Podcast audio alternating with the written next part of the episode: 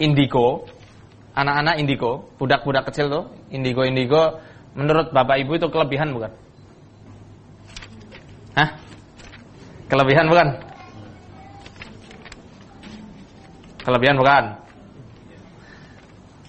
Hah? Enggak masalah, bilang aja. Yang bilang kelebihan siapa? Kelebihan tahu ya? Ke apa sih orang sini bilang? Istimewa. Kelebihan bukan? Saya bilang kelebihan. Itu kelebihan. Kelebihan penyakit ya. Jadi tidak perlu dibanggakan anak-anak kecil kok bisa melihat jin. Oh, mama, di ruangan ini ada apa? Hantu di sini yang terkenal apa? Pocong. Oh, sama ternyata. Oh, ada pocong misalnya di ruangan ini. Itu jangan dibilang, "Oh, anakku ini bakal jadi wali." wali apa? Wali-wali daya. Bukan, itu bukan karomah. Karomah, nanti insya Allah kita bahas masalah karomah juga ya.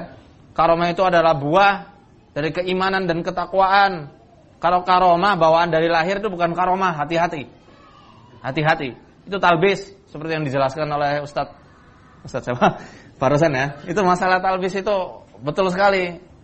Hati-hati. Talbisnya iblis itu lembut, sangat lembut. Di zaman Nabi Shallallahu Alaihi Wasallam ada seorang anak namanya Ibnu Sayyad itu dari perkampungan Yahudi Madinah.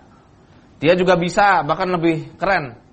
Sampai bisa melihat singgasananya iblis di atas lautan. Rasulullah SAW saat itu tidak suka. Ikhsa. Enyahlah kau. Fa innaka lan taghdu qadrak. Karena engkau sekali-kali tidak akan pernah melampaui kemampuan yang telah Allah tetapkan atas atas manusia. Jadi di sini saya akan bahas sedikit masalah melihat jin ya. Ini saya rangkum dan saya gabungkan karena waktunya sedikit ya. Kita mesti bahas semuanya. Ini perihal tentang melihat jin. Itu tidak bisa. Allah Subhanahu wa taala berfirman dalam surat Al-A'raf di juz 8 ayat 27. Allah Subhanahu wa taala berfirman, "Innahu yarakum wa wa qabiluhu min haitsu la tarawnahum." Nah, sesungguhnya iblis punya tomir ini kembalinya ke siapa? Ke iblis. Sesungguhnya iblis beserta kabilahnya itu tidak bisa melihat kalian dari tempat yang kalian itu tidak bisa melihat mereka. Ini dalil pertama bahwasanya manusia memang benar-benar tidak bisa melihat jin. Kadang ada orang yang ngeyel, Ngeyel apa bahasa sini ya? Bandel. Apa bandel tuh?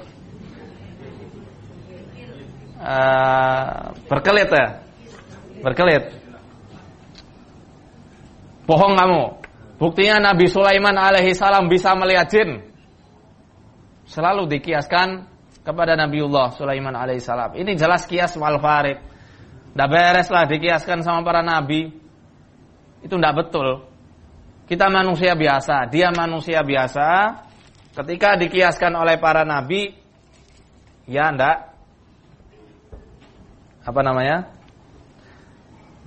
Tidak nyambung. Saya bawakan faqat rawal Baihaqi fi manaqib Syafi'i bi isnadihi 'anir Rabi'. Imam Al-Baihaqi telah meriwayatkan riwayatnya dari Ar-Rabi' dalam kitab Manaqib Syafi'i. Beliau mengatakan Sami'tu Asy-Syafi'i yaqul. Arabi pernah mendengar bahwasanya Imam Asy-Syafi'i rahimahullah berkata, "Man za'ama annahu ra'al jinna abtalna syahadatahu illa an yakuna nabiyyan." Barang siapa yang mengaku-ngaku bisa melihat jin, kami batalkan syahadahnya. Kami batalkan persaksiannya.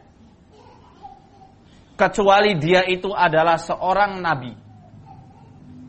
Jelas ya? Nabi Sulaiman nabi bukan? Nabi dibatalkan enggak? Tidak. Lah ente siapa itu kan? Kamu siapa? Nabi bukan? Kalau ngomong nabi ya sudah. Wassalam. Sana pergi ke laut aja. ini sudah jelas ya. Para ulama menunjukkan ini yang ngomong bukan Faizar ya, yang ngomong bukan saya, yang ngomong Imam Asy-Syafi'i. Yang membuat kaidah ini Imam Asy-Syafi'i. madhab yang paling banyak dianut madhabnya di ya Nusantara. Nusantara kan tidak cuma Indonesia ya. Sini juga banyak kan madhab syafi'i. Iya. Oh dia ngaku-ngaku madhab syafi'i, katanya mohon maaf, dia punya ilmu hikmah, ilmu laduni, bisa melihat jin, berarti telah menyelisihi madhab syafi'i itu sendiri. Jelas ya? Jelas? Tidak bisa melihat jin. Bahkan Nabi uh, apa namanya?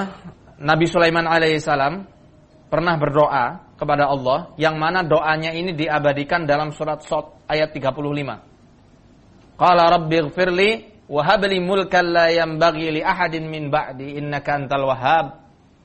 Ya Tuhanku, anugerahkan, berikanlah kepada eh, ampunilah aku dan berikanlah kepadaku mulkan kekuasaan, kerajaan yang tidak dimiliki oleh orang-orang setelahku. Di sini Imam Al-Qurtubi dalam tafsir beliau mengatakan bahwasanya yang namanya mulkan, kekuasaan ini adalah mencakup penundukan jin yang hanya Allah khususkan untuk Nabi Sulaiman alaihi salam.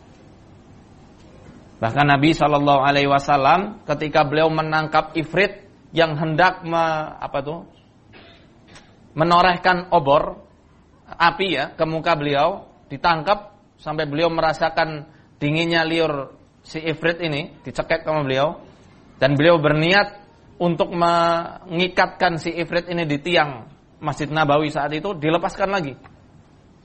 Karena apa? Karena aku ingat kepada doa saudaraku Sulaiman. Makanya aku lepaskan. Aku tidak ingin menyelisihi Doa yang sudah Allah tetapkan dalam Al-Quran. Nah ini kok bisa melihat jin, bisa nangkep-nangkep jin ke dalam botol, bohong.